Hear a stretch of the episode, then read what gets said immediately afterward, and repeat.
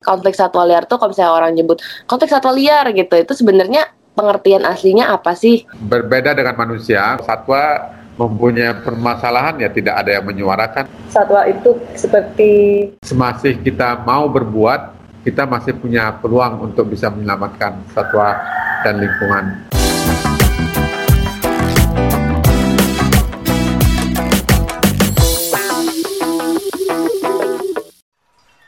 Hi Motioners! Welcome back to Season 3! Now on episode 3 of Discuss Motion. Konflik satwa liar, diam atau aksi? Diskusi kita kali ini mengangkat tema manajemen konflik satwa liar bersama dengan narasumber kita Kak Bayu dari Bali Wildlife Rescue Center. Konflik sama siapa sih? Yuk langsung kita simak. Nah, boleh banget nih kita perkenalan dulu nih ya dengan Bali Wildlife Rescue Center yang sebenarnya aku pribadi udah pengen banget berkunjung, tapi ini karena pandemi jadinya belum kesampaian. Nah, boleh nih dari Pak Bayu dan Kak Nuril sendiri memperkenalkan diri dan juga Bali Wildlife Rescue Center itu sendiri. Selamat pagi, saya Bayu, pengelola Bali Wildlife Rescue Center yang merupakan salah satu unit kegiatan kami di Yayasan Pecinta Taman Nasional yang lebih dikenal dengan nama Friends of the National Park Foundation. Saya sementara ini lebih banyak dalam hal manajemen dan kebetulan juga saya dokter hewan lebih banyak memberikan hal-hal yang terkait medis tapi tidak langsung secara praktis sedangkan teman saya Nuril. Halo, perkenalkan nama saya Nuril. Di sini saya selaku Public Relation untuk Friends of the National Parks Foundation dan juga tentunya untuk Bali Wildlife Rescue Center sendiri. Bali Wildlife Rescue Center adalah salah satu dari tujuh pusat penyelamatan satwa yang ada di Indonesia. Dan kami merupakan fasilitas yang paling kecil di antara semua pusat penyelamatan satwa yang ada di Indonesia mengingat lokasinya juga berada di pulau yang kecil plus satwa-satwa yang menjadi objek dari pekerjaan kami umumnya dari spesies burung. Kami lebih banyak bekerja sebagai kurang lebih karantina untuk untuk satwa-satwa liar dilindungi yang didapat oleh atau disita oleh Departemen Kehutanan dalam hal ini Balai Konservasi Sumber Daya Alam Bali apakah dilepas liarkan apakah direlokasi ke pusat penempatan satwa lainnya ataupun diberikan kepada lembaga konservasi lainnya seperti kebun binatang, taman burung, taman satwa, dan bahkan penangkar-penangkar berizin yang sudah memiliki kualifikasi yang memadai. Saya pikir itu sekelumit tentang pusat satwa dan kami berdua. Terima kasih. Oke deh, luar biasa banget ya apa yang sudah dilakukan oleh dan memang apa yang menjadi tujuan dari Bali Wildlife Rescue Center itu sendiri. Kita langsung aja nih masuk ke pertanyaan ya kakak-kakak sekalian. Ini tuh kita tuh berusaha mendekati teman-teman yang sama sekali nih nggak tahu atau pernah bersentuhan dengan yang namanya satwa liar ataupun tahu dengan isu-isu yang terkait dengan satwa liar. Nah, kita mungkin mulai dulu nih dari yang basic. Kan konflik satwa liar ini tidak sering diperbincangkan oleh masyarakat pada umumnya lah kita mau mencakup semuanya nggak cuma satu kelompok tertentu. Nah sebenarnya arti konflik satwa liar ini apa ya dan juga kenapa sekarang jadi banyak dimasukkan ke berita tentang konflik satwa liar dan manusia seperti itu. Konflik satwa liar sih memang dari dulu itu sudah ada, namun mungkin media kurang tertarik untuk memberitakannya tetapi dengan banyaknya media sekarang termasuk sosial media yang membuat berita bisa menjadi berita besar, nah hal ini yang mungkin menyebabkan konflik satwa liar itu lebih mengemuka saat ini. Namun kalau kita amatin konflik satwa liar itu biasanya kan adanya kepentingan yang sama antara manusia dan satwa liar dalam hal ini penggunaan lahan ataupun satwa liar itu dianggap sebagai ancaman untuk kehidupan manusia. Jadi secara garis besarnya itulah yang terjadi kenapa satwa liar dan manusia itu terjadi konflik. Jadi pemanfaatan lahan yang sama untuk kehidupan maupun ancaman keselamatan bagi manusia. Hal yang kedua ini yang lebih sering mengemuka menjadi berita karena saya pikir berita buruk itu kan lebih lebih gampang diberitakan dan lebih menarik untuk diberitakan daripada hanya sekedar konflik pemanfaatan lahan. Hmm, oke. Tapi berarti sebenarnya apakah karena hal ini konflik antara satwa liar dan manusia itu jadi sesuatu yang sebenarnya penting untuk masyarakat tahu atau karena kurangnya edukasi saja di masyarakat? Sebenarnya kurangan edukasi itu bukan hanya di kalangan masyarakat, ya masyarakat itu lebih banyak menjadi terkadang korban dari permasalahan ini.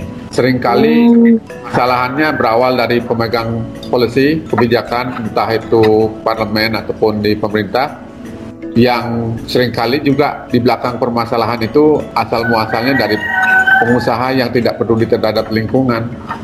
Ya, jadi itulah yang yang saya pikir menjadi akar permasalahannya. Memang sih di tingkat masyarakat ada juga kurang tahuan mereka, terutama arti penting menjaga keseimbangan ekosistem.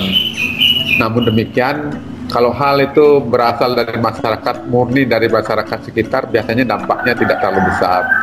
Jadi masyarakat bisa mengambil lahan menjadi puluhan ribu hektar sekali ambil.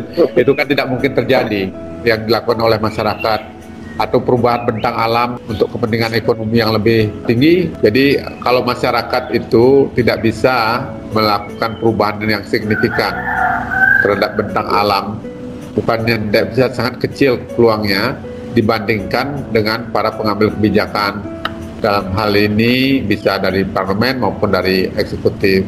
Namun sering kali yang mencetuskan kebijakan itu adalah dari kaum pengusaha yang tidak peduli terhadap lingkungan sehingga mereka akan melakukan apa saja untuk bisa mendapatkan manfaat ekonominya termasuk mengorbankan ekosistem. Oke, berarti memang peran paling besarnya kalau dibilang penyebab utama terjadinya konflik antara satwa liar dan manusia itu dominannya ini dari memang private sector gitu ya Pak ya. Dan memang mungkin berarti pendidikan ini juga perlu mencapai ke arah mereka gitu. Nah kalau gitu apa saja sih bentuk ataupun cara dari konflik antara satwa liar dan manusia itu sendiri? Ya bentuk-bentuknya misalnya yang yang sudah menjadi kasus besar di daerah-daerah bekas transmigrasi maupun daerah perkebunan yang merupakan daerah jelajah gajah itu sering kali jadi konflik kepentingan antara manusia dan gajah. Dari satu sisi, gajah mempunyai ingatan turun-menurun tentang daerah jelajah mereka. Walaupun bentang alamnya sudah berubah, mereka masih melintasi tempat itu.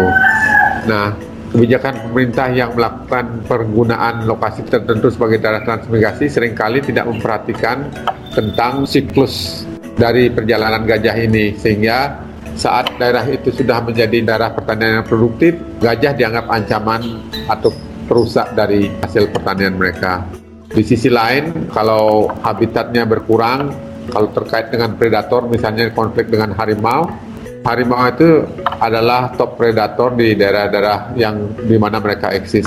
Kalau habitatnya berkurang, berarti sumber pakan dia berkurang dan daerah jelajah mereka pun menjadi berkurang sehingga mencari mangsa di tempat yang mereka pikir bisa mendapatkannya sering kali itu berupa ternak ataupun bahkan manusia. Nah, hal-hal seperti ini sangat sangat tidak diantisipasi dalam pengembangan wilayah tertentu, terutama yang menyebabkan perubahan bentang alam dengan jumlah yang cukup signifikan. Jadi hal-hal itu sebenarnya harus diantisipasi saat perencanaan. Nah, hal-hal inilah yang sangat jarang diperhatikan. Paling mereka lebih banyak memperhatikan dampak hidrologinya bagaimana, apakah ini kan menyebabkan banjir dan sebagainya.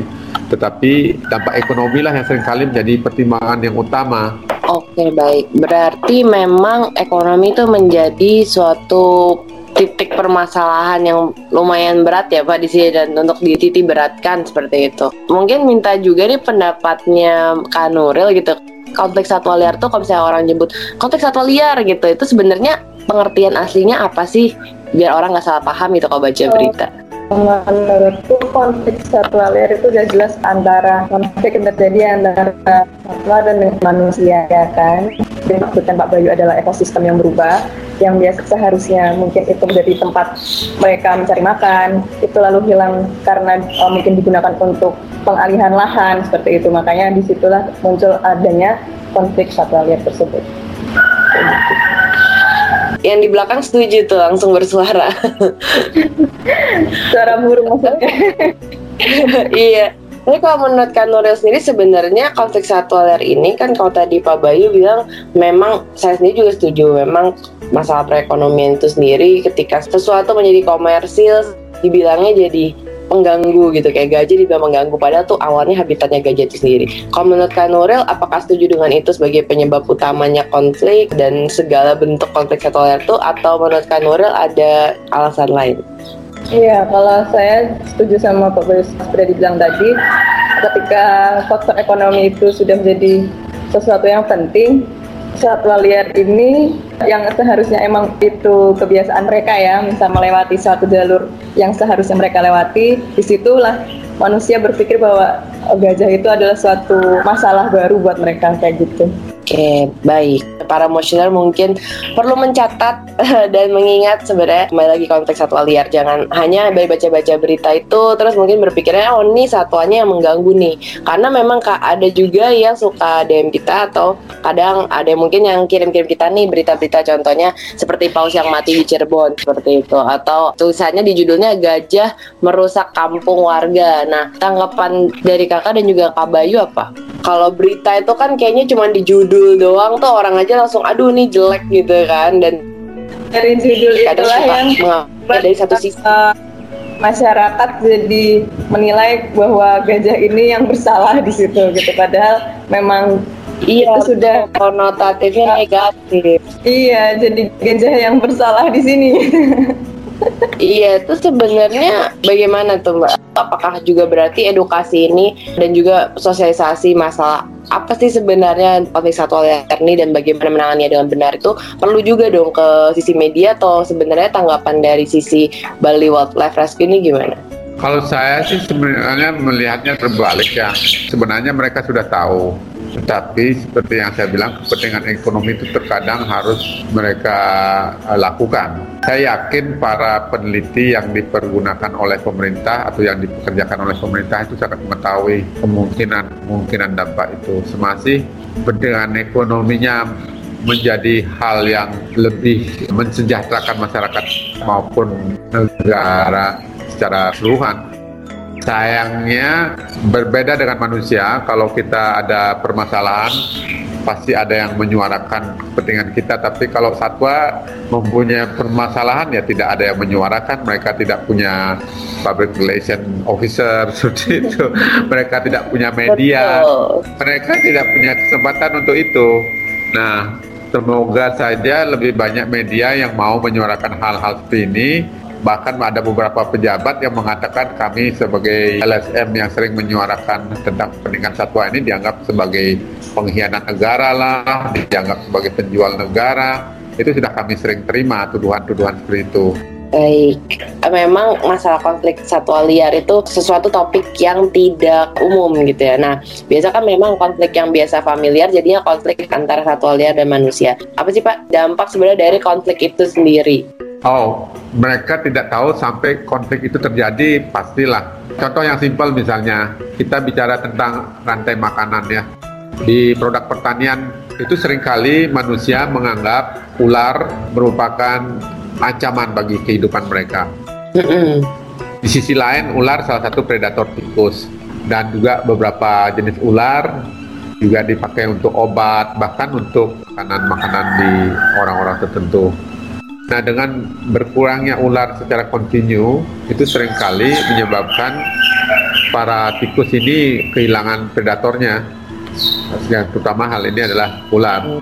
Predator tikus itu dari burung hantu, dari burung elang. Seringkali burung-burung ini dianggap merupakan ancaman bagi ayam-ayam para petani. Jadi kalau mereka ketemu ada elang, mungkin ditembak, ditangkap ataupun dijual. Nah, dampaknya kan tidak terjadi seketika saat mereka menangkap ular, saat mereka membunuh elang, tapi setelah dalam jumlah tertentu predator ini sudah tidak bisa melakukan kontrol populasi terhadap tikus. Saat itulah mereka baru merasakan bahwa tikus itu menjadi ancaman dan mereka tidak bakalan pernah menyadari ancaman tikus itu semata-mata karena ulah mereka. Ada beberapa petani bahkan mengatakan melakukan kontrol populasi tikus dengan menggunakan racun tikus itu malah memperparah kondisi ancaman tikus di kemudian hari karena sering kali sudah predator jumlahnya kecil, kemudian mereka secara tidak sengaja mengkonsumsi tikus yang sudah makan racun tikus, predatornya pun ikut mati. Jadi predator itu bukan hanya mati karena sengaja ditangkap, bahkan juga bisa mati karena memakan tikus yang sudah makan racun. Nah, hal-hal seperti inilah yang memang sering tidak di, di, diantisipasi oleh masyarakat. Namun hal ini ter, tidak terjadi karena perubahan bentang alam yang banyak sehingga sifatnya masih masih lokal dan sering kali bisa ditangani dengan membuat jebakan tikus, bisa dilakukan penangkapan secara bersama-sama, bisa dilakukan penempatan racun yang secara masif, hal itu tidak bakalan menjadi berita yang cukup besar. Namun kalau beritanya manusia diterkam harimau gara-gara harimaunya mencari makan di daerah pemukiman, nah itu baru bisa nah. jadi besar. Hal-hal seperti itu kalau itu masyarakat bisa juga dengan gampang menyalahkan korporasi ataupun pemerintah yang merubah bentang alam secara signifikan. Tetapi hal yang terjadi dekat dengan mereka, mereka tidak menyadari dan sering kali juga petani yang tidak melakukan pembunuhan terhadap ular, burung adalah korban dari orang lain yang melakukan tindakan itu seperti orang penjual burung, penjual kulit ular. Itu sering kali mereka bukan petani. Jadi orang lain yang berbuat petani yang mendapat permasalahan sehingga edukasinya itu bukan hanya di pada petani yang menjadi korban, tapi sering kali orang-orang yang punya profesi tertentu dan pengambil kebijakan itu yang harus diedukasi. Ini sepertinya edukasi aja ini saya pribadi merasa kurang gercep gitu ya. Mungkin perlu sesuatu yang lebih intensif gitu lah. Menurut Bapak ini sebenarnya apa ya kira-kira terutama untuk media yang mengcover berita-berita ini karena yang diberitakan selalu yang kayak harus harimau dan gajah kemudian konotatifnya kayaknya mereka yang menyerang mereka yang keganggu padahal di balik itu kan sebenarnya ada banyak alasan gitu ribuan alasan nah kalau masalah pemberitaan ya kita ketahuilah semua media itu kan hidupnya dari sponsor. Ya banyaklah perusahaan-perusahaan yang merusak alam itu merupakan sponsor stasiun TV atau ya, benar juga. atau koran. Ya mau bagaimana? Tidak mungkin mereka memberitakan sampai hal-hal ke akar-akarnya akar permasalahan itu. Jadi yang mereka beritakan ya konflik ada harimau dengan itu, tapi tidak bakalan diberitakan. Oh ini karena lahan sekian hektar dipergunakan untuk perkebunan atau dipergunakan untuk pertambangan yang dilakukan oleh perusahaan ABCD itu tidak mungkin diberitakan. Nanti media semua pada tutup kalau itu diberitakan. Benar berarti kembali lagi ya ekonomi profit atau kebenarannya seperti itu selalu ya harganya. Iya. Tapi kemarin itu aku sempat lihat berita Pak kalau memang di dunia internasional kan ada namanya hukum untuk genosida. Nah sekarang mereka mau membuat hukum yang judulnya kayak ekosida gitu. Jadi kayak genocide ke lingkungan hidup seperti itu.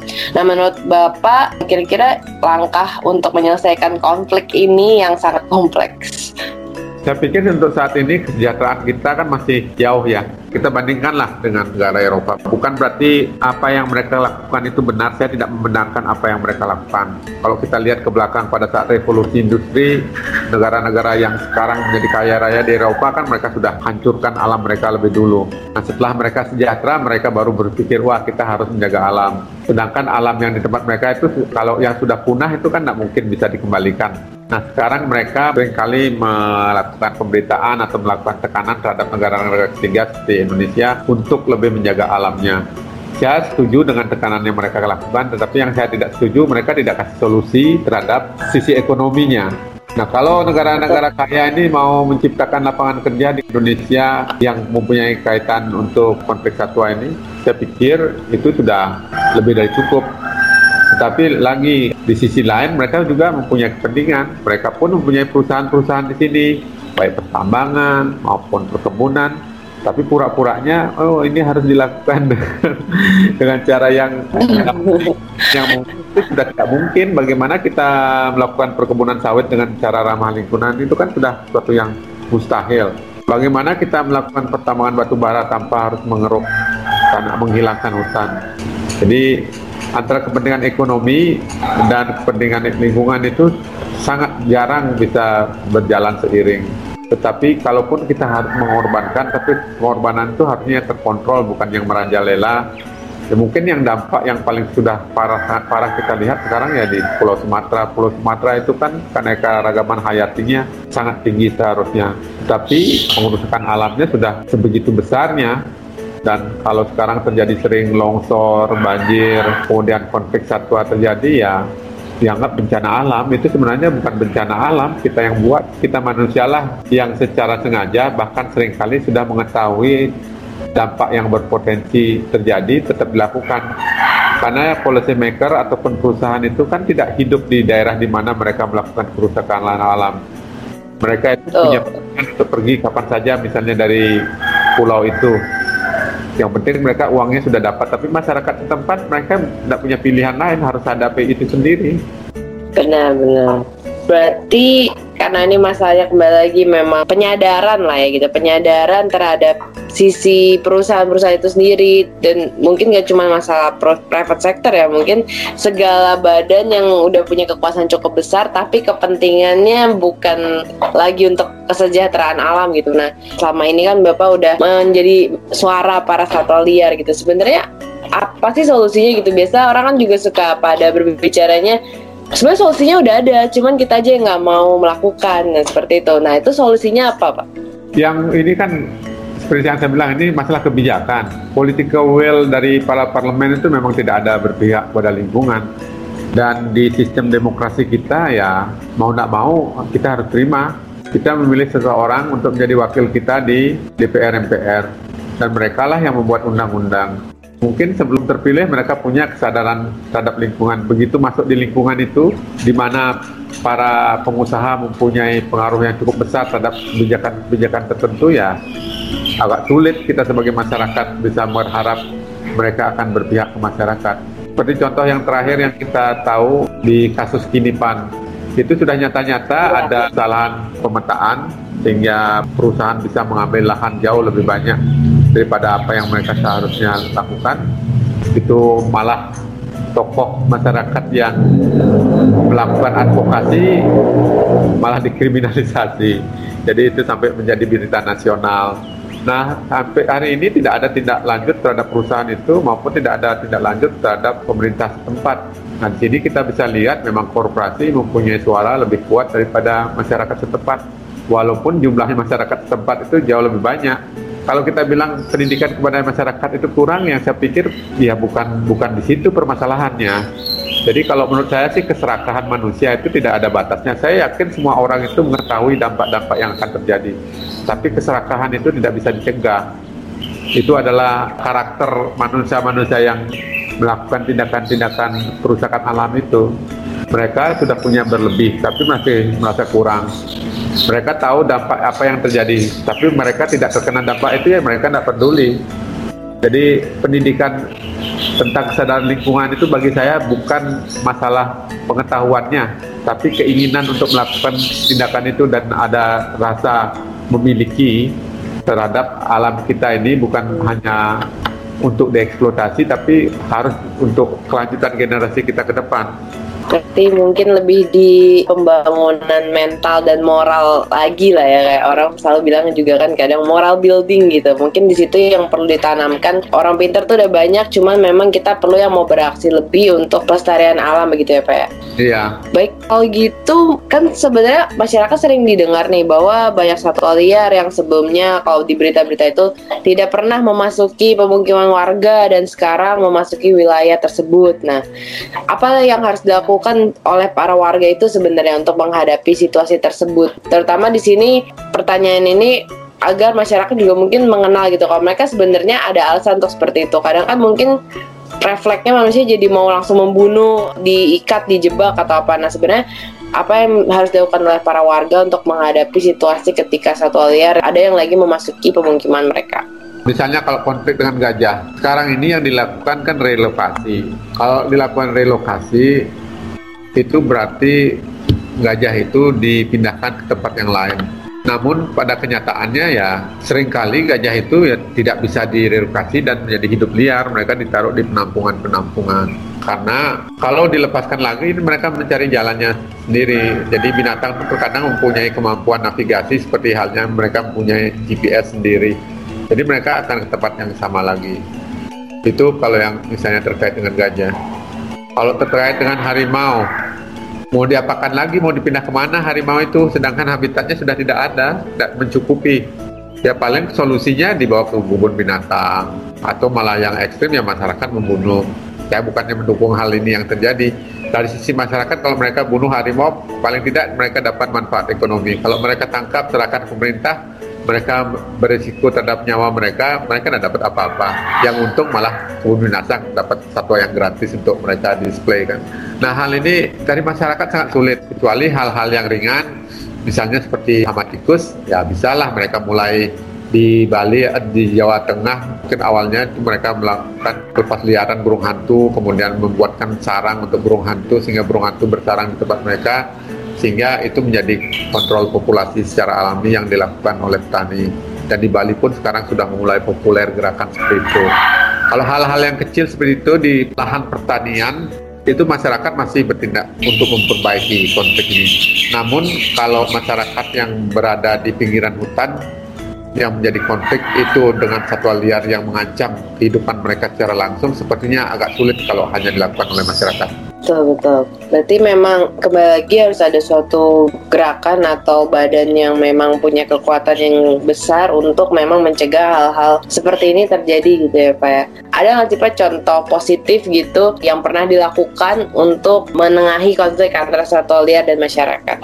Contoh yang terbaik kita bisa ambil yang dilakukan oleh BirdLife International atau mungkin BirdLife Indonesia yang mengambil alih konsesi lahan perusahaan kayu diambil alih sehingga kayunya hutannya tidak ditebang. Kegiatan seperti ini harus melibatkan cukup banyak dana dan sayangnya di kebijakan pemerintah kita orang ataupun lembaga yang melakukan pelestarian hutan itu dengan mengambil alih konsesi hutan mereka harus membayar kompensasi pajak sebagaimana halnya kalau perusahaan itu melakukan penebangan pohon atau melakukan penambangan. Sehingga untuk melestarikan alam di Indonesia aja kita harus membayar kepada pemerintah. Hal pertama yang kita lakukan kita harus membeli konsesi itu dananya cukup tinggi ya.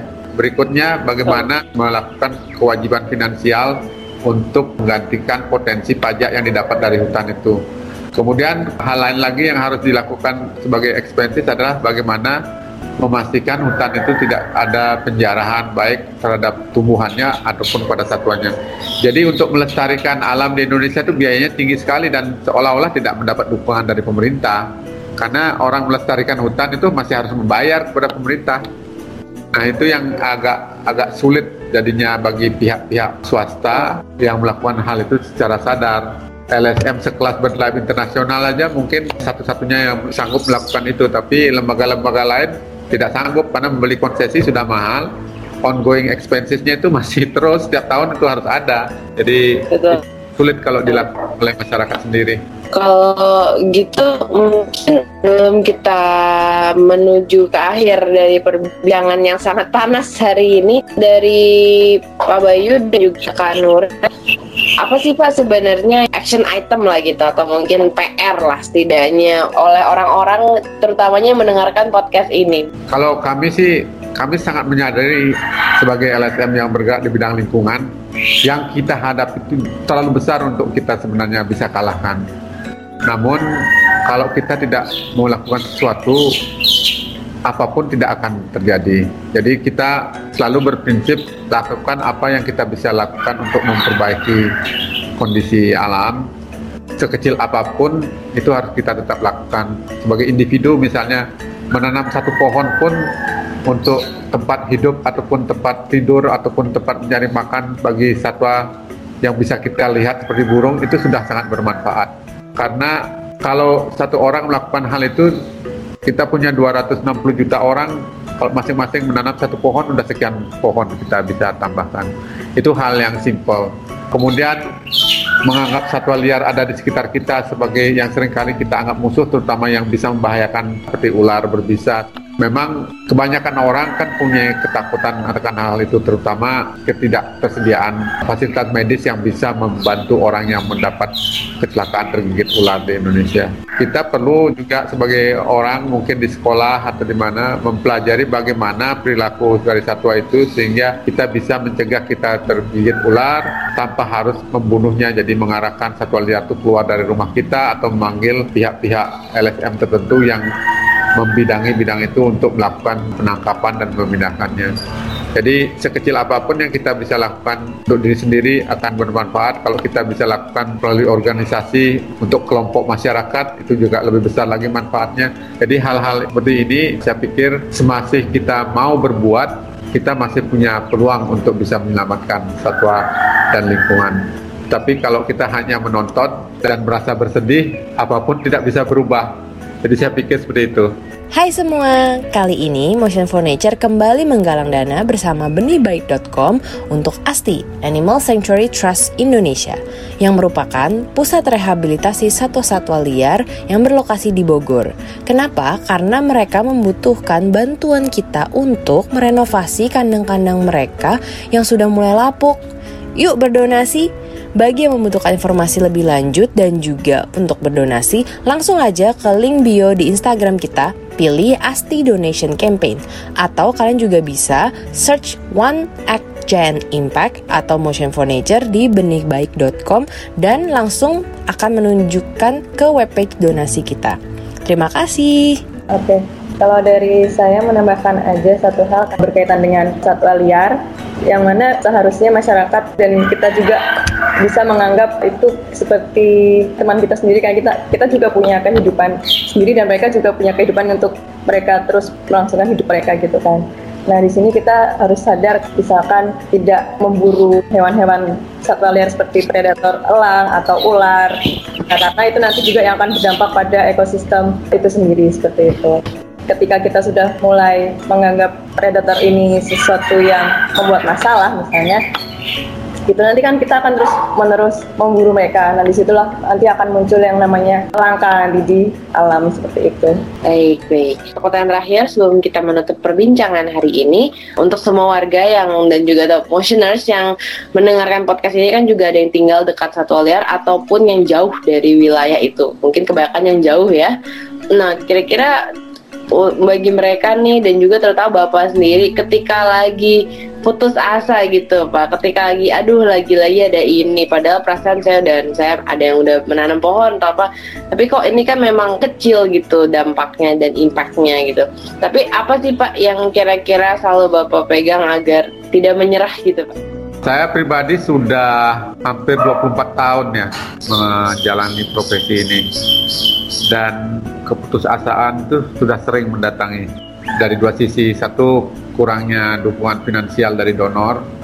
Yang kedua kurangnya dukungan partisipasi dari masyarakat yang kita bantu malah namun kita harus kembali kepada ide awal kita melakukan kegiatan ini. Jadi saya pikir kita bukan orang yang paling baik ya. Paling enggak kita punya prinsip kalau bukan kita yang melakukan siapa lagi? Saya harap akan lebih banyak lagi orang mempunyai pikiran seperti yang kami lakukan itu akan membuat gerakan yang lebih besar. Dan di Indonesia maupun di belahan dunia lainnya orang bekerja di konservasi secara profesional itu sangat kecil. Karena satu mereka sulit mencari uang yang kedua sering menjadi ancaman bagi kehidupan mereka karena kita selalu berlawanan dengan kebijakan pemerintah dan atau kebijakan dari perusahaan. Jadi hanya orang-orang yang benar-benar mencintai profesi inilah yang masih bisa bertahan yang selalu menjadi pegangan ketika Bapak ini udah mau putus asa gitu dan yang memang bisa di-share adalah kalau bukan kita siapa lagi gitu ya Pak ya? Aksi sekecil apa pun itu pasti ada impactnya. Tapi memang kalau bukan dari kita yang memulai ya siapa lagi? Begitu ya Pak ya Iya betul betul. Baik, kalau begitu terima kasih banyak Pak Bayu dan Kak Nuril atas waktunya yang sudah diberikan. Semoga para masyarakat yang mendengarkan dan juga Motion for sendiri di ke depannya kelak benar-benar bisa membantu dan memiliki kekuatan gitu ya untuk mendukung kegiatan konservasi alam ini seperti yang Bali Wildlife Rescue Center sudah lakukan. Apakah ada pesan-pesan terakhir Pak? Lakukan hal yang bisa dilakukan sendiri untuk kebaikan lingkungan dan alam. Itu saja. Baik, terima kasih banyak ya Pak Bayu atas waktunya sudah diberikan untuk merekam uh, podcast Discuss Motion kita episode 3 kali ini yang mengangkat tema manajemen konflik satwa liar. So stay tuned for more podcast on Discuss Motion. Jangan lupa subscribe kita ya di Spotify, Anchor FM, Google Podcast, dan juga Apple Podcast. Untuk update-update terkini, kalian juga bisa follow Instagram kita at Motion for Nature.